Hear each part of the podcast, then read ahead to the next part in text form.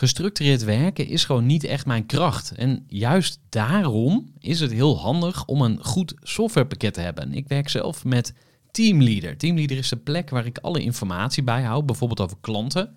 Waarin ik offertes maak en verstuur en die digitaal laat ondertekenen. Waarin ik facturen verstuur, waarin ik lijstjes bijhoud, waarin ik projecten kan managen, waarin ik standaard e-mails kan programmeren. Kortom, ik gebruik Teamleader om alle werkprocessen van mijn bedrijf te stroomlijnen. En zeker ook als je met een team werkt, is het heel fijn om over dezelfde informatie te beschikken.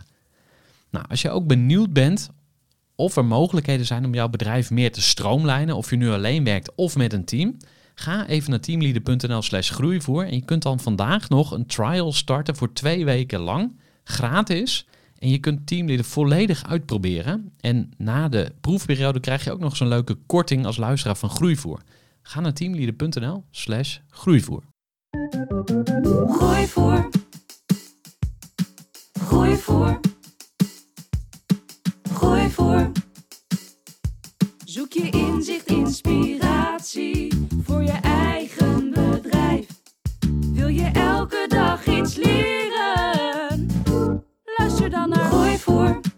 Welkom bij een nieuwe aflevering van de Groeivoer podcast, waarin ik in gesprek ga met Robert Dingemansen van Pel V. Nou, nog nooit van Pel V gehoord. Blijf hangen, want er is een eh, heel innovatief verhaal eh, wat nu voor je klaar ligt. Pel V neemt de hustle weg uit, eigenlijk uit transport.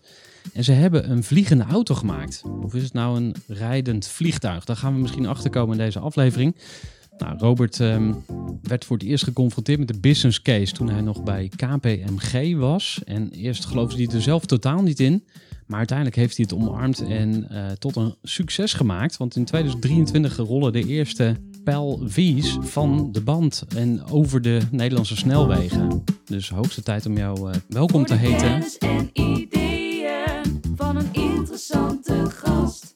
Die zijn verhaal met jou Robert, Ja, hoi. Fijn. Leuk om hier te zijn. Fijn dat je in de Groeivoer podcast wilde komen.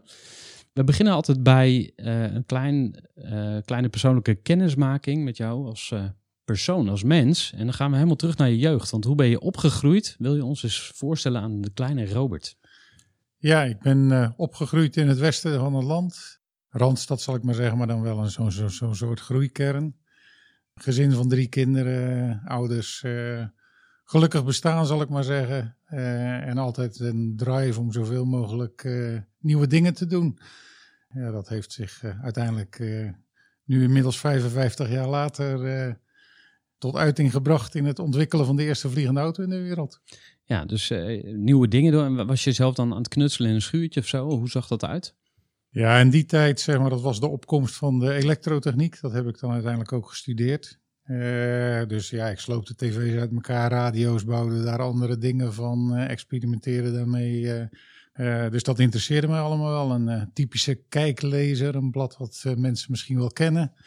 Altijd geïnteresseerd in alle nieuwe dingen die er maar aan zaten te komen. Eh, zie je jezelf ook echt als techneut? Ja, in het begin wel. Ik heb dus ook elektrotechniek gedaan. Dat is een van de vele velden waar ik belangstelling in had. En ja, dat was het werk van de toekomst. Dus ik denk, nou laat ik dan dat maar doen. En gaandeweg eh, vond ik wel ook uit in allerlei andere dingen. Sport, eh, groepen in de kerk waar ik toen actief was. eh, muziek maken. Dat ook leiding geven over een club mensen vond ik heel leuk om daar dingen mee te doen. Dus ik heb na die elektrotechniekstudie een, ja, een soort kopopleiding gedaan. Zo'n Master in the Business Administration. Een MBA aan de Rotterdam School of Management, zoals dat nu heet. Eh, en ja, had altijd wel zoiets van: ik wil graag nieuwe dingen doen samen met mensen. Dus zo, eh, ja, daar had ik toen de goede opleidingen voor. En zo ben ik toen aan de slag gegaan. Eh, nou, die opleiding die is toen door Philips betaald. Dus ik heb twee jaar op kosten van Philips nog gestudeerd nadat ik elektrotechniek gedaan heb. En ben toen bij Philips aan de slag gegaan. eigenlijk al met een voor Philips klein projectje. Dat was een, een satellietontvanger inbouwen in een tv, zodat je een apparaat had wat ook zeg maar, een schotel aan kon hangen. En Philips was toen net ook in de omslag naar dus een soort projectmanagement voor de hele keten. Eh, en ik was een van de eerste die dat mocht gaan doen voor een klein projectje. En dat betekende dan eh, ontwikkelen in Eindhoven. Eh, vervolgens de productie aanlopen in Monza, in dit geval in Italië.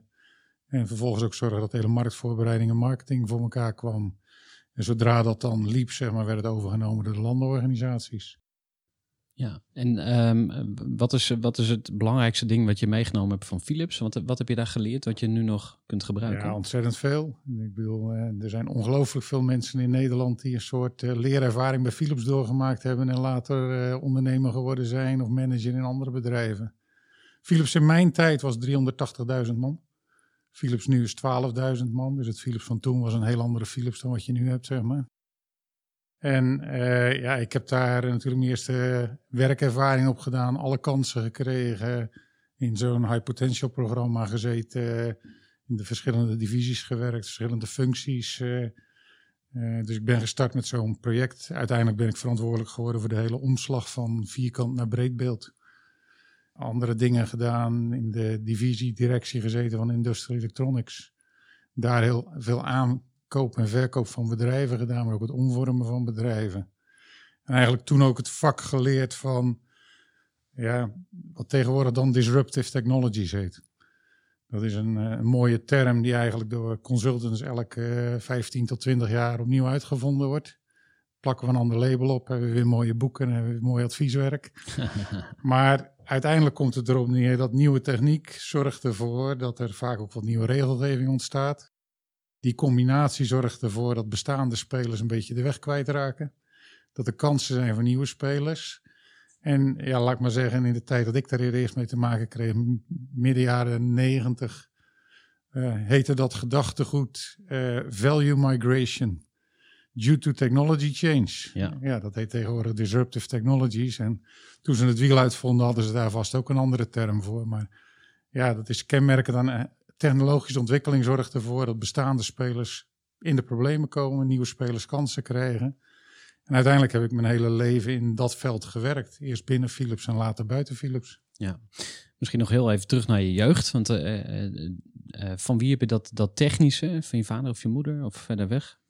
Nou, technisch heb ik denk ik wel van mijn vader. Die had ook werktuigbouw gestudeerd. En die heeft eh, eh, ja, eerst zeg maar, met, eh, op de Holland-Amerika-lijn gevaren. En daar scheepswerktuigkundige en later in elektriciteitscentrales. Dus ja, dat kreeg ik wel een beetje mee vanuit huis. En wat is nou het mooiste of belangrijkste wat je, wat je mee hebt genomen uit je jeugd? En wat je nog steeds koestert? Ja, als mens mijn geloof. En dat koester ik nog steeds. En wat, en wat, eh, wat brengt je dat? Eh, Hoe helpt je dat ook ja. bij het ondernemen? En, eh, ja, ook, ook. Ja, kijk, je houdt daar natuurlijk, maar dat is niet alleen, dat is zeg maar westerse waarden, zal ik maar zeggen, maar ook oosterse waarden. Zorg voor de planeet, zorg voor mensen om je heen, zorg voor je team. Dat soort dingen komen bij mij voort uit die wortels, zal ik maar zeggen. En ja, voor de rest kan ik me bijna niet voorstellen dat mensen niet geloven.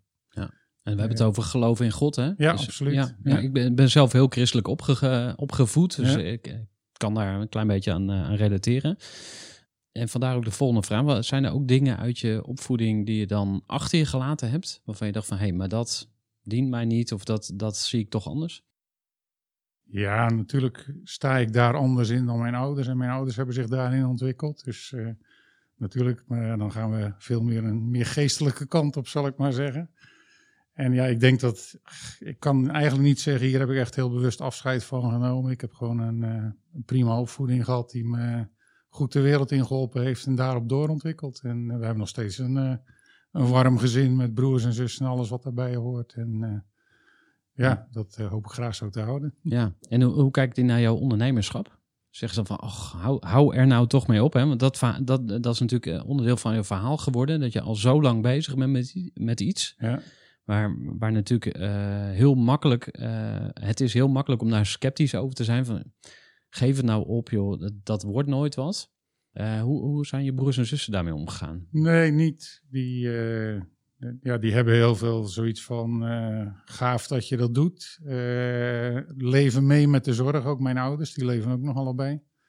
En ja, die, die lijden soms meer onder die zorgen dan ik, zeg maar. Want die, die komen niet uit, die zitten niet in ondernemende situaties. Dus als ondernemer heb je natuurlijk eh, ja, een ander soort van zorgen op een ander niveau en een ander level.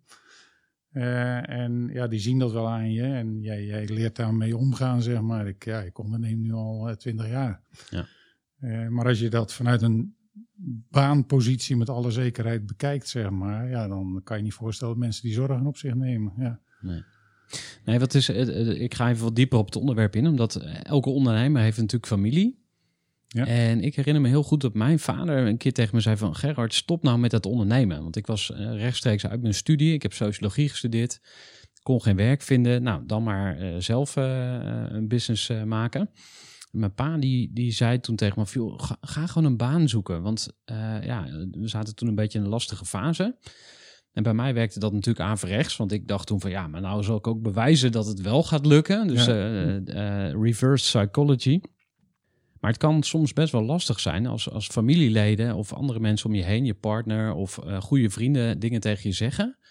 Dus eigenlijk moet je dan eh, heel autonoom kunnen zijn en zelfstandig kunnen denken.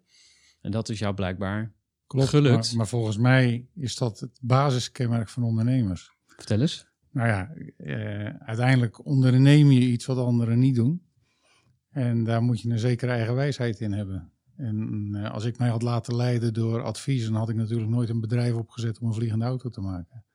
Al tien jaar lang word ik in elk gesprek geconfronteerd met een vliegende auto. Ja, yeah, right, dat zal wel. Ja, en, en dat, dat is langzaam nu wel over. In ieder geval bij de mensen die het kennen en die bij ons komen en 140 man aan het werk zien en, en een v- vliegschool en, en prototypes en noem het allemaal maar op. Maar ja, toen wij natuurlijk startten met eh, twee man en een set patenten, had iedereen zoiets, eh, je bent nog niet zo idioot dat je aan een vliegende auto gaat werken. Dus ja, dat, die mentaliteit van ik zal het wel eens even laten zien, heeft, heeft elk ondernemer nodig. En zeker een ondernemer een vliegende auto. Ja, ja, in, in het kwadraat zo Ja. niet meer dan dat. nou, laten we er maar eens naar dat verhaal toe eh, springen dan, want eh, daar ben je ook hiervoor. En, eh, en om ons dingen te leren, bewust of onbewust. Hè? Dus we gaan ook horen wat jouw lessen en ervaringen zijn. Maar neem ons nog eens mee naar dat eerste begin van Pel V. Ja, Paul V of Paul V Paul V. Pel V. Het staat voor Personal Air and Land Vehicle. Heel goed. Ja, Ooit gekozen. Ja, en ehm, want er was nog één stapje voor, eh, twee man en een, en een setje patenten. Hè? Dat was Ja. bij KPMG. een- Ja, ik heb eens. zelf niet bij KPMG gezeten. KPMG speelde daar wel een rol. Eh, ik, ik kom zelf van een groepje dat heet Redesign Partners. En Redesign Partners is ooit binnen Philips actief geweest als het Philips Redesign Center. En wij rapporteerden direct aan Cor Boonstra, eh, eind jaren negentig. Eh, de, voor degenen die dat niet weten, de CEO van Philips toen. Dat was echt een eh, big boss natuurlijk. Ja, klopt. En, en wat wij eigenlijk deden was eh, bedrijven binnen Philips of technologieën binnen Philips, waar dat disruptive technologies een rol speelde. Het zij als bedreiging, het zij als kans. Daar maakten wij nieuwe bedrijven van of wij vormden bedrijven volledig om. En eind jaren negentig waren wij met het Philips Redesign Center groter dan de kleinste divisie van Philips, met eh, 18.000 man aan het werk. Zo. In ongeveer 15 bedrijven. En eh, deden we dat vak. En hebben we heel veel geld verdiend voor Philips in de tweede helft van de jaren negentig. En ja, daar kwam ik uit voort. Toen Cor Boonstra buiten Philips stapte en Gerrit Kleisterlee daar het stokje overnam, zijn wij samen met Cor Boonstra Redesign Partners begonnen. En eh, ja, in die hoedanigheid werden wij gebeld door een paar partners van KPMG. Met, eh, we hebben hier een waanzinnig project voor een vliegende auto, alleen het is veel te technisch voor ons. Moeten jullie eens naar kijken? En toen dachten wij precies hetzelfde. Ja, yeah, right. Daar gaan we echt niet onze tijd in steken. En dat bleek dus anders te zijn. Dus soms hangen die dingen een beetje van toevalligheid samen. Dus het lag op onze route. Met dat telefoontje, we hadden zoiets van, nou, we gaan het verhaal even aanhoren. Want is toch hartstikke leuk, zo'n vliegende auto. En dat zijn vaak hartstikke interessante ja, mensen die dat soort out-of-the-box ideeën hebben. Dus we hebben dat verhaal toen aangehoord. En toen constateerden wij eigenlijk van, nou, als klopt wat daar beweerd wordt, dan is het helemaal niet zo'n uh, zo'n raar plan. Dan zou het wel eens een plan kunnen zijn wat voor het eerst tot realisatie van die 100 jaar oude droom kan leiden. Maar om het goed te begrijpen, er was dus iemand die had het al uitgedacht en die kwam naar jullie toe. Ja, er was iemand die had samen met het Nederlands, uh, het NLR heet dat, het Nationaal Lucht- en Ruimtevaartlaboratorium, TU Delft, met een heel uh, wereldvermaarde faculteit op het gebied van lucht- en ruimtevaart, met een aantal ingenieurs in Schiedam bij een bureau Spark. Die hadden met elkaar al vijf, zes, zeven jaar gepuzzeld aan, ja, hoe kunnen we nou eigenlijk een vliegtuig rijdend maken? Want een rijdend vliegtuig is tien keer beter dan een niet-rijdend vliegtuig voor mobiliteit. Nou, dat hadden ze. Uiteindelijk, die puzzel waren ze tot een concept gekomen, hadden ze gepatenteerd, waren met KPMG een businessplan aan het maken en de eerste funding bij elkaar aan het halen.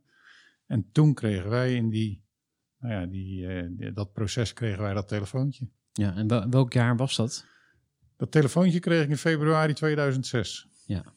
En zij waren toen al een jaar of zes bezig. Oh, interessant. Ja. Ik was natuurlijk een beetje research aan het doen en uh, toen dacht ik ineens aan Elon Musk.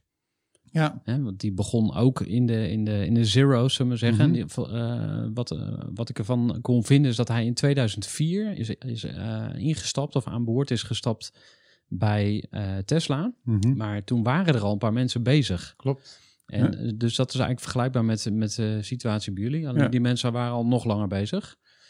Ja, kijk, Tesla als zodanig volg ik al vanwege diezelfde interesse sinds 2006. En toen was nog niet eens eens openbaar bekend dat Elon Musk daarin gestapt was. Dus toen waren het nog de oorspronkelijke oprichters van Tesla waar Elon wat extra ja, mee geïnvesteerd had. Ja. Nou, uiteindelijk weten we inmiddels wat daarvan geworden is. Maar in termen van hoe zet je zo'n business op, ook een disruptive business. Uh, ja, SpaceX, wij volgen dat natuurlijk allemaal, want daar kan je ontzettend veel van leren. Ja. Heb je al een sit-down gehad met Elon? Ik heb wel eens mailcontact met hem gehad in die tijd, ja. In 2008, 2009. Ja. Ja, in 2023 uh, is misschien een mooi moment om uh, een keer uh, weer iets te initiëren. Of hoe, ja, wie weet. Ja, ja, ja. Sowieso met zo'n vliegende auto zeggen wij altijd, het, het is een soort golden key. Dus je komt bijna elke deur binnen. Dus ik heb uh, inmiddels al het voorrecht gehad om allerlei royalties te mogen ontmoeten. Uh, met premier Modi aan een tafel eens even uit te leggen hoe zo'n Palvino in elkaar premier zit. Premier van India, toch? Precies, ja. ja. Wel eens bij Bill Gates thuis geweest. Ook nog, ja. Richard Branson wel eens in mijn audience gehad. Okay, even een beetje name dropping, want uh, ja, ja, dat is voor de podcast ook goed. Precies. Ga door. maar dat is, dat is het mooie aan zo'n vliegende auto, dat het spreekt zo tot de verbeelding dat iedereen ja, krijgt daar toch een, een, een glimlach op zijn gezicht. Vervolgens gelooft hij het eerst niet, maar wil er wel van alles van weten. Ja. En daar vertellen wij natuurlijk graag over. Ja. Heb je ook ergens een grote schilderij hangen met een afbeelding van de Wright Brothers, die in 1900 voor het eerst uh, begonnen met vliegen? Nee, geen schilderij, maar uh, onze designer heeft in het prototype in de luchthappers het tekentje van de Wright Brothers verwerkt en het tekentje van de Sherva. En de Sherva is de man die ooit de gyrocopter uitgevonden heeft. Je kan eigenlijk op allerlei manieren vliegen. Maar er zijn eigenlijk maar drie basisprincipes. Het een is een normaal vliegtuig. Wij noemen dat een fixed wing, omdat de vleugels vastzitten. Je hebt een helikopter, kent ook iedereen. En zoals wij vliegen is eigenlijk voor Nederland een heel onbekende manier van vliegen. Dat is de gyrocopter. En de gyrocopter is eigenlijk meer een. Er zit wel een rotor op, maar die rotor is niet aangedreven door een motor. Er zit een propeller op aan de achterkant die hem vooruit duwt. En die rotor die draait net als ja, vrij door de wind. En dat maakt het hartstikke veilig. Veiliger dan een gewoon vliegtuig. Veel makkelijker dan een gewoon vliegtuig. Je kan ook landen op een postzegel. 50 meter heb je nodig. Maar eh, je kan er ook niet de gevaarlijke dingen mee doen die je met een gewoon vliegtuig wel kan doen. Dus daarom veiliger. En het is veel veiliger en makkelijker dan een helikopter. Dus ja, een prachtige manier van vliegen als we met veel meer mensen gaan vliegen. Even een korte onderbreking met een belangrijke vraag aan jou. Want wat heb jij geregeld voor het geval je van de ene op de andere dag zou komen uit te vallen? Wat gebeurt er dan met je bedrijf, maar vooral wat gebeurt er met jou persoonlijk en ook in financieel opzicht? Samen met ASR voerde ik drie openhartige gesprekken over tegenslag en veerkracht. En dat deed ik met Saskia, Vincent en Pieter. Ondernemers met een bloeiend bedrijf die van de ene op de andere dag niet meer konden werken. En die verhalen hoor je in aflevering 256, 257 en 258 van deze podcast. Als ondernemer wil je natuurlijk niet uitvallen. En daarom is het belangrijk dat je veerkrachtig bent, want voorkomen is beter dan genezen. En als het dan toch misgaat, is het fijn dat je iets geregeld hebt, zodat je weer snel door kunt met ondernemen. Wil je weten hoe veerkrachtig jij nu bent? Vul dan in twee minuten de veerkrachttest van ASR in. Ga naar asr.nl slash veerkrachttest ondernemers. Ja.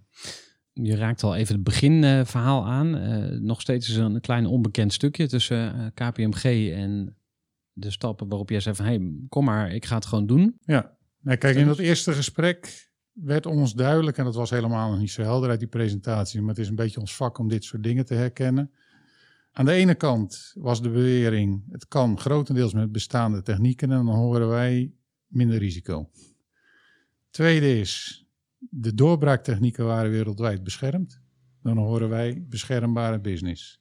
Het derde was, en die was voor ons denk ik nog het meest belangrijke, het kan binnen bestaande regelgeving. Als dat laatst niet gegolden had, dan hadden wij gezegd, leuk idee, succes ermee. Maar wij gaan er niet aan beginnen. Dus wij hebben, en dat was het briljant aan het plan, zodra wij een klein veldje oprijden waar je op mag stijgen, is het een vliegtuig. En ja, toevallig zit daar een heel goed onderstel onder. Maar voor de regelgeving is het gewoon een vliegtuig. Zodra je daar afrijdt de openbare weg op, is het een driewiel voertuig, wat gewoon voldoet aan Europese regelgeving. Nou, Ja. de bewering was, zo kan je dat bouwen. En wij hebben dus onze eigen onderzoeken, voordat wij zelf geld gingen investeren en onze tijd erin, vooral gericht daarop. Klopt dat nou echt? Want regelgeving veranderen in de lucht of op de weg, laat staan in beide tegelijk. Ja, daar kan je zo 10, 20 jaar naast zitten. Ja. Nou, dat krijg je helemaal niet gefinancierd als je niet eh, Boeing of Mercedes op de poort hebt staan. Ja, dan ben je kansloos. Eh, want eh, voor alle duidelijkheid, hè, ik hoorde jou in een ander interview zeggen van om een band alleen al goedgekeurd te krijgen, wordt naar 300 verschillende criteria gekeken of zo. Nou, niet goedgekeurd. Als je kijkt naar het simuleren van bandgedrag, dan heb je een, een aardig nauwkeurig model als je 300 parameters meeneemt. Dat is alleen maar de band. Ja. Als je jouw voorbeeld pakt, zeg maar. uh, Wij moeten, als je kijkt naar de wegregelgeving, de wegregelgeving specificeert heel duidelijk, hier moet je aan voldoen. En dat klinkt heel logisch en dat is ook logisch. Alleen dat is in luchtvaart anders. Dus in wegregelgeving kan ik gewoon, als ik met veel verstand van zaken naar de websites kijk van de Europese regelgeving, zien hier moet mijn product aan voldoen. Daar kan ik het op ontwerpen. Dan bied ik het aan bij de RDW, inclusief de testen die daarbij horen, zoals een emissietest, eh, nou dat soort dingen. En dan krijg je goedkeuring. In luchtvaart bestaat zo'n set van regels niet. Dus in luchtvaart staat eigenlijk, als je dit en dat met je toestel wil doen, dan is dit het veiligheidsniveau wat je moet bewijzen. En dat is omdat elk toestel een andere set van requirements, eigenschappen heeft. En die ben je samen met je regelgever aan het ontwikkelen. Dus het ontwikkelen van die set van eisen waar je aan moet voldoen in de luchtvaart duurt gemiddeld een jaar of tien. En dat komt omdat je in luchtvaart kan je niet zeggen van joh, laten we die as maar twee keer zo dik maken, dan weten we zeker dat het goed is, want dan wordt die veel te zwaar. Dus in luchtvaart ben je altijd op zoek voor elke parameter. Zit ik aan de veilige kant, maar niet te veilig. Want Ja. anders wordt alles te zwaar. En daarom moet je in luchtvaart ook elk component, elk systeem, elk subsysteem, alles moet je eerst van vaststellen. Wat zijn de eisen? Moet je het vervolgens maken, ontwerpen. Moet je vervolgens bewijzen dat je eraan voldoet.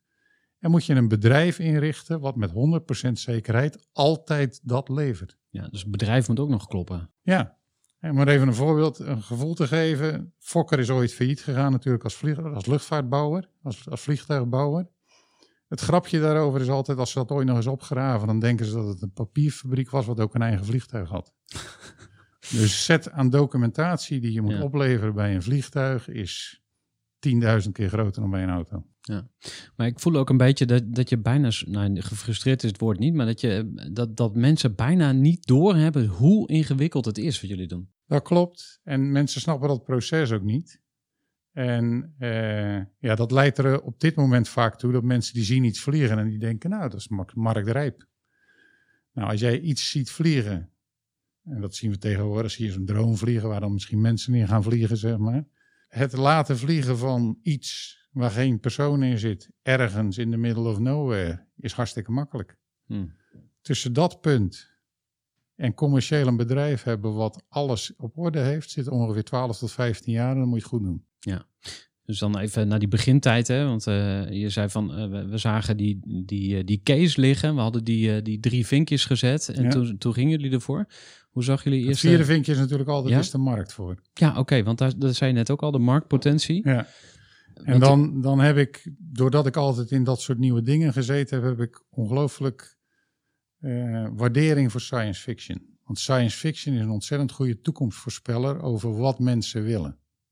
Dus het feit dat wij al honderd jaar dromen van een vliegende auto is een van de beste stukken marktresearch die je kan voorstellen. Want uiteindelijk komen al dat soort dingen. Jules Verne, net zo'nzelfde verhaal, die dingen die komen een keer. Interessant. Alleen, die komen op het moment dat de technologie zover is, dat je er ook een economisch zinvol product van kan maken. En daar zitten we soms wel eens 100 of 200 jaar naast. Ja. Maar dat is voor ons het volgende belangrijke gegeven. We weten niet hoe groot die markt is. En daar kunnen we ons natuurlijk enorm in vergissen. Maar één ding weten we zeker. Het is beter dan bestaande vliegtuigjes en helikopters. Dus het wordt in ieder geval in diezelfde orde grootte. Nou, als je dat gaat doorrekenen, dan heb je al een waanzinnig bedrijf. En alles wat erboven komt, ja, is nog mooier. Ja. Kun je, kun je dan eh, ons nu eens een, een soort van eh, beeld schetsen van de marktpotentie? Of een soort bierveeltjesberekening? Weet je nog wat het toen was? Of Nou, Wat zou je nu zich, zeggen? Op zich is dat helemaal niet zo veranderd. Dus, want wij zijn uitgegaan van, we weten in ieder geval dat we een succesvol luchtvaartbedrijfje van kunnen maken. Gezien de parameters is de potentie factoren meer dan dat. Maar laten we ons maar gewoon baseren op dat laatste scenario. Als dat dan mooi genoeg is, dan zien we de rest wel. En, Nou, het eh, laagste scenario moet je je voorstellen is dat je groeit naar zo'n 1000 tot 1500 stuks per jaar. Nou, dat is ten opzichte van de huidige marktresearch misschien wel een factor 1000 kleiner dan wat nu voorzien wordt voor over 20 jaar. Hmm. En als we dat doorrekenen, want ik kan enigszins hoofdrekenen, maar je hebt Ja. de getallen nu al in je hoofd ja, zitten. Ik, ja, ik heb de getal in mijn hoofd zitten omdat tegenwoordig die markt waarin wij spelen, die heet Advanced Air Mobility. Dat is een hele grote markt van de komende decennia. Hmm. Daar plakken bedrijven als je- McKinsey, Frost Sullivan, bekend marktresearchbedrijf, Morgan Stanley, die plakken daar getallen op tussen de 1,5 en de 2,9 triljard. Triljard, wacht even. Ik dacht een miljard, maar we gaan meteen naar triljard. Ja. Leg eens uit. ja, ik vind dat ook nog moeilijk te geloven. Dus ik heb meer zoiets van, oké, als dat een factor Zou 1000 kunnen. kleiner is, vind ik het ook prima. Ja, ja precies. Dan ben je nog goed bezig. Want eh, om dan eh, heel even eh, gewoon begrijpelijk te maken voor iedereen en voor mij als, als graadmeter daarvan. Maar stel één pijl 4 kost eh, 300.000 euro, hè, Ja. wat nu de vanafprijs is. Eh, hoeveel gaan jullie er dan verkopen? En wat voor omzet zou je dan kunnen hebben over, of laten we zeggen, 10 jaar na 2023? Dus 2033 ben je 10 jaar bezig. Wat denk je zelf? Als je, als je kijkt naar, dan heb je eigenlijk twee soorten producten. We zijn ook aan beide bezig. Het ene is dan iets wat rijdt en vliegt. En daar heb je natuurlijk verschillende smaken in dan tegen die tijd. Het andere is wat dan tegenwoordig airtaxis heet. Dat vliegt alleen maar, maar dat is een soort openbaar vervoer tussen twee platforms of tussen twee stationnetjes. Zijn die autonoom of is dat Die worden of- op termijn ook autonoom. Oh ja, oké. En dat is ook een hele belangrijke enabler om er een mass market van te maken. Die markt wordt voorzien in 2040. Die getallen komen uit dat soort research. In die getallen te zitten ja, anderhalf triljard ongeveer. En dan praat je over zo'n ja, een, een, een, eh, een drie, vierhonderdduizend stuks per jaar of zo. En zijn jullie later met, met die eh airtaxi begonnen, maar of al vanaf het allereerste begin? Nee, kijk, wij zijn ooit begonnen. Wij bouwen gewoon een vliegende auto. En dat is beter dan de huidige vliegtuigen en helikopters. En gaandeweg zijn er ook de afgelopen tien jaar allerlei technologische ontwikkelingen geweest. Die, daaraan kan je zien waar het naartoe gaat de komende decennia. En in luchtvaart moet je niet in jaren denken, maar in decennia. Nou, dan zie je dat aan de ene kant gaan we natuurlijk op een of andere manier multirotorachtige dingen hebben die elektrisch aangedreven worden. Of die elektriciteit dan komt uit e-fuels, waterstof of batterijen, weten we nog niet, maar dat ontwikkelt zich. Maar doordat je natuurlijk elektrisch aandrijft met artificial intelligence en goedkope, goedkope logica, kan je op andere manieren gaan vliegen. Kan het goedkoper worden, veiliger, autonoom worden. En dan krijg je een enorme marktexplosie ergens over 10, 15 jaar. Ja. Nou, die markt ziet iedereen in de wereld nu die daarmee bezig is. Dus wij krijgen Toyota uit Japan langs die met ons komt praten van wat voor technologie hebben jullie nodig om dat voor elkaar te krijgen. Wij krijgen Samsung uit Korea die vraagt, jullie zijn een leider in de industrie. Waar gaat dat eigenlijk heen? En zo zijn wij nu ineens leider in wat Advanced Air Mobility heet, in plaats van het rare bedrijfje wat een vliegende auto aan het maken was in de wereld wat niemand deed. Ja, dat moet toch, ja, ik zou, als ik in jouw schoenen stond, dan toch af en toe denken van, haha, zie je, het is toch gelukt. Uh, hoe ga jij ermee om? Ja, natuurlijk hebben wij dat ook af en toe. We zijn natuurlijk tien jaar lang uitgelachen. En tegenwoordig uh, krijg ik uh, managementteamleden van Samsung uit Korea langs. Ja. ja, dat is toch wel een stukje bevestiging dat je het misschien toen gelijk had. Ja, mooi. Ja, want de wet van de remmende voorsprong, die ken je natuurlijk ook. Ja, tuurlijk. Heeft die vat op jullie of helemaal niet? Even misschien heel ja. kort even uitleggen, hè? maar stel je bent de eerste die iets gaat maken, dan uh, klinkt allemaal fantastisch, maar op een gegeven moment dan gaat je concurrent, die kopieert het, maar die maakt het beter. Dus dan ben je eigenlijk uh, buitenspel. Ja, het risico is er natuurlijk altijd, alleen in luchtvaart gaat niks snel. Dus, uh, en, en een van de belangrijkste dingen die je in luchtvaart voor elkaar moet hebben, is dat je kan certificeren om überhaupt met mensen te mogen vliegen boven de stad. Nou, dat is een capability die kan je niet kopiëren. Dus een capability die heeft ons 12 jaar gekost om op te bouwen. Ja. En dan geldt ook nog dat in de wereld gelden eigenlijk maar twee stempels. Dat is het Europese stempel van EASA of het Amerikaanse van de FAA. Er is niemand die in Europa gaat zitten in een Chinees gecertificeerd vliegtuig. Hm. Zelfs Chinezen gaan niet zitten in een Chinees gecertificeerd vliegtuig. Hm. Ja? Dus het hebben van dat stempel van EASA en het kunnen certificeren met EASA van dit soort dingen is misschien nog wel waardevoller dan de producten die wij nu in ontwikkeling hebben. En dat is waarom veel Aziatische partijen bij ons ook langskomen. Ja. Dus dan kan het niet zo zijn dat een paar slimme Delfterikken even in twee jaar tijd uh, iets uit de grond uh, stampen. Dus jullie zijn eigenlijk niet meer in te halen. Nee, als wij het goed doen, ja, alles kan natuurlijk. Ik bedoel, Nokia is ook ingehaald uh, na wereldmarktleider te zijn en de smartphone gemist te hebben. Dus je moet niet arrogant zijn en denken, ik ben nooit meer in te halen. Je moet ervan uitgaan, ik word ingehaald en hoe voorkom ik dat, zeg maar. Ja. En hoe kijk je dan bijvoorbeeld naar een bedrijf als Lightyear? Ja. Het is natuurlijk niet hetzelfde soort bedrijf, maar, maar die hebben ook een enorme groei doorgemaakt. Ja. Hoe verklaar je die snelle groei? Ja, het is relatief natuurlijk. Hè. Lightyear is nog maar een, een dwerg in die wereld. We hebben 100 man in dienst, hebben nog geen toestel uitgeleverd of geen voertuig uitgeleverd. Ja, hebben natuurlijk gisteren aangekondigd dat er 5000 besteld zijn. Ja, door van, leaseplan. Van de volgende die ze nog niet hebben. Voor 30.000 euro, terwijl wat ze nu hebben kost 150.000 euro. Dus daar zitten nog wel wat mitsen en maren aan. Ja, Lightyear heb ik ontzettend bewondering voor van het team wat ze doen. Uh, zijn we ons ook regelmatig langs geweest om eens te praten, hoe doen jullie dat nu? Dus er is ook wel een soort goede samenwerking en leerervaringen. Ik zelf vraag me af, gaat dat lukken? Mm -hmm.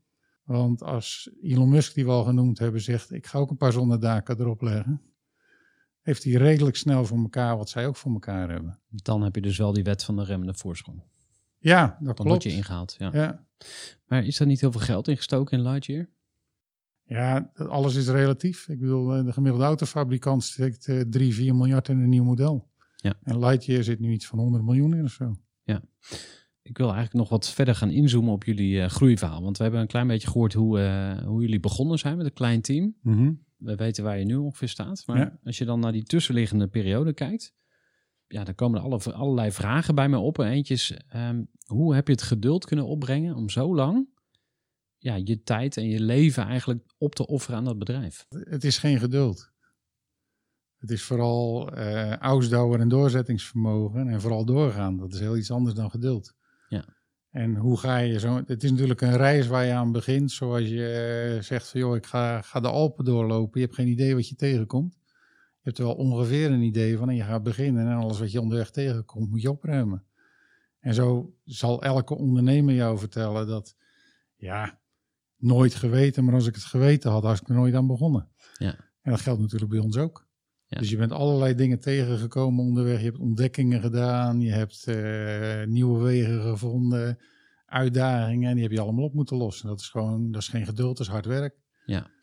Dan zou ik uh, vraag anders stellen. Hoe is het je gelukt om zo lang vol te houden? Waar heb je de kracht vandaan gehaald? Ja, het is natuurlijk geloof in dat einddoel. En tussendoor regelmatig momenten dat je daar ziet van nou hebben we weer een mijlpaal bereikt. Dus je kan je voorstellen dat je, je begint eraan, dan vervolgens ga je een team neerzetten. Nou, dan moet je maar de juiste mensen voor vinden. Vervolgens, eh, en het is bij ons zelfs zo dat wij de financiering pas echt in het bedrijf gestopt hebben toen wij een goede technische leider gevonden hebben voor het bedrijf. Want zoals de meeste investeerders je zullen vertellen, het is eerst de vent en dan de tent. Dus wij hadden, dat team dat het bedacht had, zagen wij niet de leiding in die dit kon trekken. Dus zijn we eerst op zoek gegaan naar wie kan dat wel. Die heb ik uit mijn Philips netwerk gehaald. Die is nog steeds verantwoordelijk voor de techniek van het voertuig. Dat is een CTO of zo, zoals dat tegenwoordig Ja, klopt. Ja, Bij IT-bedrijven met name. Ja, in, in luchtvaart heet het dan een head of design. Ja. Dat zijn gewoon EASA gestandardiseerde termen. Maar eh, ja, dat was iemand die heb ik moeten overtuigen om bij ons te komen werken. Want die was op dat moment verantwoordelijk voor een, een, een, een van de drie divisies van een Nasdaq genoteerd bedrijf, wereldmarktleider in elektronenmicroscopie. ja, dus dat was geen kleine... Nee, dus die kwam bij ons Speler. binnen. En vervolgens gaan we samen dat team opzetten. En ja, dan, dan werk je eerst naar een proof of concept. En een proof of concept bij ons was niet alleen bewijzen dat de techniek werkt, maar ook bewijzen dat die certificeerbaar is. Nou, dat hebben wij bereikt in 2012. Ja, dat is een enorme mijlpaal. Je kan je voorstellen, dan de eerste start van je vliegtest, als dat ding dan de lucht ingaat. Ja, dat is natuurlijk een groot feest voor zo'n heel team. Ja, Dat was ook wereldnieuws. Dat is bijna door een miljard mensen bekeken. zo. Nou, vervolgens ga je dan de volgende fase in. En dat is dan voldoende geld vinden om van dat proof of concept te komen tot een commercieel product. Nou, dat is taaie tijd geweest. Wij dachten, nu staat iedereen klaar om er geld in te stoppen. Nou, er was ook nog even een beetje een crisis natuurlijk. Dus uiteindelijk heeft dat twee, ah, eigenlijk al drie, bijna vier jaar geduurd voordat we voldoende geld hadden om het team op te schalen. Dat betekent natuurlijk ook dat je veel langzamer gaat. Om even een gevoel te geven, we waren toen met 12, 13 man en we wilden naar 50. Nou, als jij drie, vier jaar langer met 12, 13 man doorwerkt in plaats van met 50, gaat het natuurlijk ook eh na van hand langzamer. Ja. Ja, nou ja, dat is de kwestie van de tering naar de nering zetten. Je kan wel een plan hebben, maar als je het geld niet hebt om het uit te voeren, moet je wat anders doen. En toen zijn we het team gaan opschalen in 2015, 16. Ja, en zo maak je elke keer stappen. Dan vervolgens dan maak je je eerste commerciële product nog niet af, maar je gaat het aan de markt laten zien in Genève. Ja, waanzinnige reacties. Ik heb in één, één dag tijd 225 interviews gegeven voor allerlei wereldmedia. Allerlei mensen die van alles wilden met dat bedrijf. En de trekker qua publiek voor Genève. Nou, Genève komt in die tijd 800.000 mensen in 10 dagen langs. We hebben daar teams gehad om crowd control te doen. Dus dan heb je aan de ene kant toch ook een soort ja, enorme ene- energizing voor het team. Zo van, wauw, kijk eens, men zit erop te wachten. Ja, en zo heb je elke keer momenten dat eh, als je eens een keer een dalletje hebt, dan zijn dat de dingen waar je aan vasthoudt. Als je terugkijkt, en dat kun je nu al doen, want eh, je hebt natuurlijk al best wel wat jaren achter de boeg. Eh, wat is nou je beste beslissing geweest en wat is je slechtste beslissing geweest? Oeh. Als ondernemer kijk je vaak vooruit, hè? weinig achteruit. Uiteindelijk de beste beslissing was, eh, een van de hele goede, laat ik het zo maar zeggen, was het aannemen van de man die nu de techniek leidt. Zonder hem, ben ik van overtuigd, was het hem niet geworden. Aan, aan slechte beslissingen komt niet zo nu direct iets in me op, maar die zijn er vast ook geweest. Kijk, wat is een slechte beslissing? Een slechte beslissing is volgens mij dat je iets besluit met de informatie, terwijl je op diezelfde informatie eigenlijk iets anders had moeten besluiten. Ik vind iets niet een slecht besluit als je er achteraf nieuwe kennis op doet en dat bij moet stellen. Mhm. Dus in die zin, ja, heb ik niet zoiets van eh, mezelf verweten. Dus ik ga mezelf, zou verwijten als ik dingen had kunnen weten of geweten heb en anders had moeten besluiten. Ja. Nou, die kan ik me niet herinneren. En heb je een methode om eh, knopen door te hakken? Want op een gegeven moment doe je op basis van routine, ervaring, Hmm. eh, hè, ga je natuurlijk eh, eh, keuzes maken. Maar als je dat zou moeten ontleden, heb je een bepaalde volgorde? Ja, kijk, uiteindelijk is, is, is het natuurlijk de informatie tot je nemen. Zorg dat je mensen hebt die kundig zijn in dat vak, die dat met je mee overwegen. uiteindelijk de moeilijke besluiten neem je in ieder geval samen. En eh, ja, dan, dan heb je altijd twee kanten. De ene is de ratio en de andere is de intuïtie. En als ik één ding van overtuigd ben, is het dat als ratio en intuïtie niet kloppen, moet je intuïtie volgen. Dus je kan, om maar een voorbeeld te geven, je kan een kandidaat voor een functie voor je hebben en denken, het klopt allemaal, zijn cv en het gesprek was goed, maar het voelt niet goed. Niet doen. Ben je wel eens tegen je intuïtie ingegaan? Ja, daar heb ik daarvan geleerd natuurlijk. Ja. En wat, eh, wat gebeurde er toen? Want dat zou dan een voorbeeld Nou, kunnen zit- zijn van ja. zo'n fout, hè? Ja, nou dat zit hem vooral in het aannemen van mensen. Ja. Ik denk ook dat, dat zakelijk gezien het aannemen van mensen, de juiste mensen, het belangrijkste, maar ook het moeilijkste is. Interessant.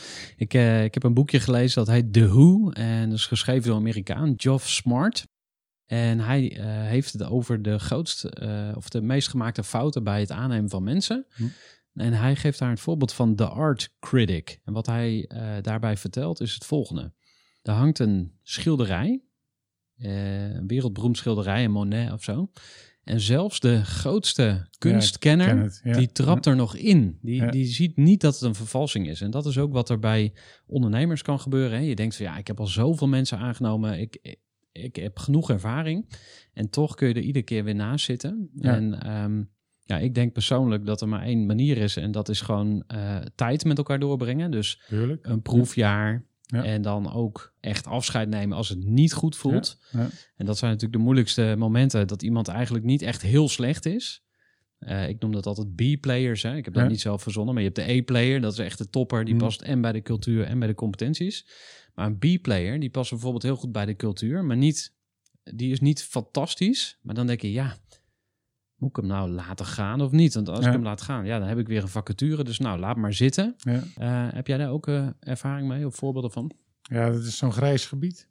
Helaas heb je A, B en C-players, zeg maar. Het afscheid Mhm. nemen van C-players is makkelijk.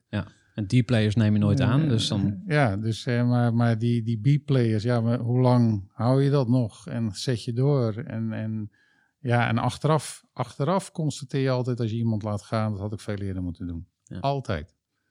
Maar dat wil niet zeggen dat je daar een fout mee gemaakt hebt. Alleen ja, je, hebt dan geprobeerd en nog een keer geprobeerd. En je constateert van, eh, ja, dat wordt hem toch niet. Dus je hakt de knoop door. Ja, en dan kan je natuurlijk achteraf altijd vaststellen, dat had ik eerder moeten doen.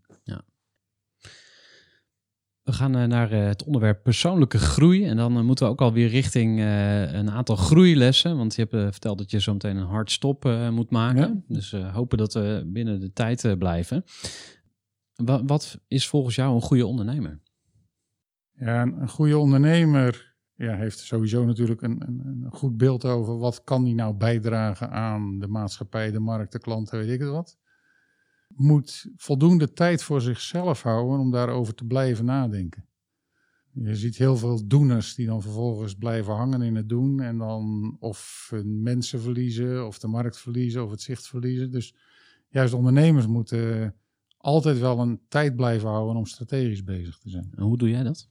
Ja, te zorgen dat ik al die doeners om me heen het werk laat doen en zelf juist op dat vlak concentreer. Ja, want eh, en hoe ziet dat eruit? Want ik, denk meteen aan Bill Gates met zijn Think Week. Hè? Je ziet hem lopen nog in het Mhm. filmpje met, met, een- met een tas vol boeken. En dan gaat hij een week lang in een, in een hutje zitten. Ja. Heb jij bepaalde rituelen of eh, eh, vaste afspraken in je agenda of manieren waarop je denktijd reserveert? Nou, vroeger, dan praat ik voor COVID, was mijn denktijd in vliegtuigen. Maar ja, dat heb ik op dit moment niet. Maar ja, ik heb heel veel tijd natuurlijk in, in vliegtuigen doorgebracht overal over de wereld. En dan, heb je, dan vind ik het heerlijk om vijf, zes uur lang in een toestel te zitten. En niet afgeleid door telefoon, noem het maar op. En dan heb je je denktijd. Het andere is tijdens vakanties. Dus de, de vele grote beslissingen heb ik genomen ergens in een vakantie. Grappig hè, want het is helemaal geen werktijd. Terwijl je denkt van ja, het gebeurt als je hard werkt, veel uren maakt, gas geeft. Maar eigenlijk gebeurt de, de magic of de echt grote eh, eh, ja, kwartjes die vallen, zeg maar, die gebeuren juist op stille tijd. Ja, maar dat komt ook omdat je op die moment heb je tijd om naar je intuïtie te luisteren. Dus alle grote besluiten rijpen. Je neemt geen besluit, ze rijpen en ze vallen een keer. En op dat moment vallen ze, omdat je dan tijd hebt om eens even te reflecteren, eens te luisteren, eens te voelen hoe voelt het. En dan neem je een besluit. Tenminste, zo werkt het bij mij. Heb je wel eens in een klooster gezeten of zo? Ja. Ja. Eh, wanneer was dat voor het laatst? ja, dat had een heel andere achtergrond. Maar ook wel om hetzelfde. Vertel maar, Eh, als je wil hoor. Want... ja hoor, dat is prima. Maar mijn eerste vrouw is ooit overleden aan een hersentumor. Ik heb toen een soort time-out gehad waarbij ik echt even helemaal gestopt ben. En vervolgens weer het leven op moest gaan pakken. En heb toen wel in een klooster gezeten in een poos om juist die tijd te hebben en die rust om na te kunnen denken, maar ook te kunnen luisteren. In mijn geval dus ook naar God. Van wat zou nou de volgende stappen kunnen zijn? Maar ik vond thuis die rust niet, dus ben dat in een klooster gaan zoeken. Zou je dat andere mensen aanraden? Ja, ik, ik zeker. Ja. Ik vond het een hele mooie tijd en ik heb toen ook de juiste besluiten weer genomen. Ja. En wa- was dat toen je al bezig was met Pelvi? Of? Nee, dat was daarvoor. Daarvoor? Ja. En welke keuze heb je toen gemaakt? Nou, ik, ik was op een soort vlak van ja, ik ben gestopt nu bij Philips. Wat ga ik nu doen? En daar waren allerlei opties. En uiteindelijk heb ik toen de keuze gemaakt om me weer aan te sluiten bij die groep redesign partners. En ja, daar heb ik nooit spijt van gehad. Misschien nog even vooruitblikken dan. Eh, wat wil jij de komende tien jaar nog heel graag doen? En wanneer ben je klaar? Ja, ik hoop nooit klaar te zijn. Maar ja, wat ga ik doen? Kijk, voor mij is, is bouwen en nieuwe dingen doen. En eigenlijk word ik nog meer gemotiveerd door mensen die zeggen dat kan niet. Dat is de leidraad. En voorlopig is dat Palvi en dat, dat groter maken. Maar zodra dit bedrijf in een fase zit van, eh, nou ja, het wordt meer een normaal bedrijf. En vervolgens weer nieuwe producten erbij. Prachtig bedrijf, maar dat past niet bij mij als persoon. Dus dan weet ik, dan moet ik een andere rol gaan spelen binnen dit bedrijf. Maar ja, dan komen er weer allerlei andere dingen eh, op je pad. En ik hoop, eh, zolang als ik gezondheid heb, allemaal nieuwe dingen te blijven doen. Mooi. Ehm, ben je nu nog meerderheidsaandeelhouder of niet? Nee, ik heb op dit moment 150 aandeelhouders uit negen landen. Eh, en dat heeft te maken met het feit dat de financieringsmarkt voor luchtvaart, maar al helemaal voor vliegende auto's, eigenlijk niet bestond toen wij startten. Nu wel. Dus eh, de komende tijd, ik ben nu met hele grote partijen in gesprek, maar tot nog toe moesten wij het hebben van wat dan heet in vaktermen de angel investor. Dus wij hebben heel veel mooie, hele grote groep angel investors die het bedrijf een goed hart toedragen die bijdragen naast hun geld ook. Maar ja, dat zorgt er wel voor dat je. Ja, er zit inmiddels eh, zoveel geld in, dat eh, had ik nooit alleen op kunnen hoesten. Nee, dus ze En dat betekent dat je dus verwatert. En eh, ja, dat vind ik ook helemaal niet erg. Stel dat het bedrijf ooit verkocht wordt, dan maak je een exit. En Mhm. stel je hebt dan een grote zak met geld. Wat zou je daarmee doen? Ja, dat weet ik nog niet. Dat, ja, natuurlijk denk je daarover na. En, en zoals, zoals in, in, in, en dat past ook wel bij mij. De Amerikanen zeggen dan je gaat van succes naar significance. Leg eens uit. Nou, dus financieel is succes in Amerika. Daar kan je nog heel veel vraagtekens bij stellen of dat onze definitie van succes is. Want ik denk dat dat veel relatiever is. Maar Amerikanen zijn vervolgens bezig met significance. Dus die beginnen dan in caritatieve dingen. Giving eh, te Pledge is heel bekend. Ja, natuurlijk. dat soort dingen. Ja. Mhm. Ja, dus ik heb, ik heb Bill Gates zelf gesproken over die giving pledge, zeg maar, en wat ze daar aan het doen zijn. Dat is wel inspirerend. Ja. Nou, dat vermogen zal ik zeker niet hebben, maar iets dergelijks past wel op mijn pad. Ja, maar daar zou ik dan ook weer nieuwe wegen in zoeken. Oh, interessant. Nou, het eh, is een mooie cliffhanger voor een eventuele volgende aflevering. Maar we gaan natuurlijk toeleven naar die, eh, die, die eh, launch date in 2023. Want dan rollen de, de eerste producten echt van de band. Klopt. Hoeveel pre-orders hebben jullie? In Nederland al meer dan 70. In, we hebben in 10 landen pre-orders, dat is minder qua aantal. Maar we hebben natuurlijk ook gewoon op Nederland gefocust. En dat is waanzinnig, want dat hadden wij nooit gedacht. Dus Ja. als die 70 in Nederland nu al representatief is voor de wereldmarkt, dan, ja, dan is ons businessplan waarschijnlijk een factor 100 te laag. Ja, want er rijden natuurlijk heel wat Lamborghinis in Nederland en Ferraris. Dus dat zijn eigenlijk de eerste mensen die het kunnen betalen. En daarna ja, het druppelt gekke het... is, dat is onze markt meestal niet. Oh, hoe kan dat? Ja, dat dachten wij in het begin ook. Ja, die hebben de cash en die eh, leggen het zo neer. Ja, dus ik, ik, ik, ik, als ik iets geleerd heb, want ik heb altijd nieuwe producten gedaan, is dat je vooral daar alert op moet zijn op dat soort aannames. Valideren. En als ik ook iets geleerd heb, dat kan je niet onderzoeken. Hm. Dus iedereen die zegt, dan moet je marktresearch gaan doen, dan denk ik, ja, slaat nergens op. Want de klant kan jou niet vertellen wat ze niet kennen of ze dat willen. Hm. De gemiddelde klant bij ons nog steeds, die bij ons komt praten, heeft een compleet verkeerde verwachting van het product. En sommigen worden dan enorm verrast wat het allemaal wel kan en hoe makkelijk het is en wat het meevalt en anderen niet. Dus wij zijn ooit begonnen met wat ik dan experiential selling genoemd heb. Dat was proberen te verkopen met als doel marktresearch doen. Want het grote probleem was, elke vorm van marktresearch die maar gaat proberen in mensen die voldoende vermogen hebben om een pelvie te kopen, daar krijg je geen tijd van. Nee. Maar ik krijg wel sales tijd van ze, want dan zijn ze geïnteresseerd genoeg. Dus dan ben ik en met de juiste mensen aan het praten en ik krijg enorm veel informatie. Nou, en daar hebben wij dus onder andere uit geleerd dat een vliegende auto is niet iets, hij staat voor de deur, ik stop de sleutels erin, ik heb mijn rijbewijs en ik rij weg. Dus je moet sowieso al een, een vorm van ondernemendheid in je hebben om natuurlijk piloot te worden. Ja, te avontuurlijk aangelegd ook. Avontuurlijk aangelegd. En dat zit hem eigenlijk niet zozeer in de Ferrari en Lamborghini kopers. Kijk, mensen die, dus we hebben wel onderzoek gedaan naar wat voor auto's hebben onze klanten nu. En natuurlijk zitten daar mensen met een Ferrari en een Lamborghini bij. En, maar de meerderheid van de mensen heeft nog steeds wel een redelijk dure auto.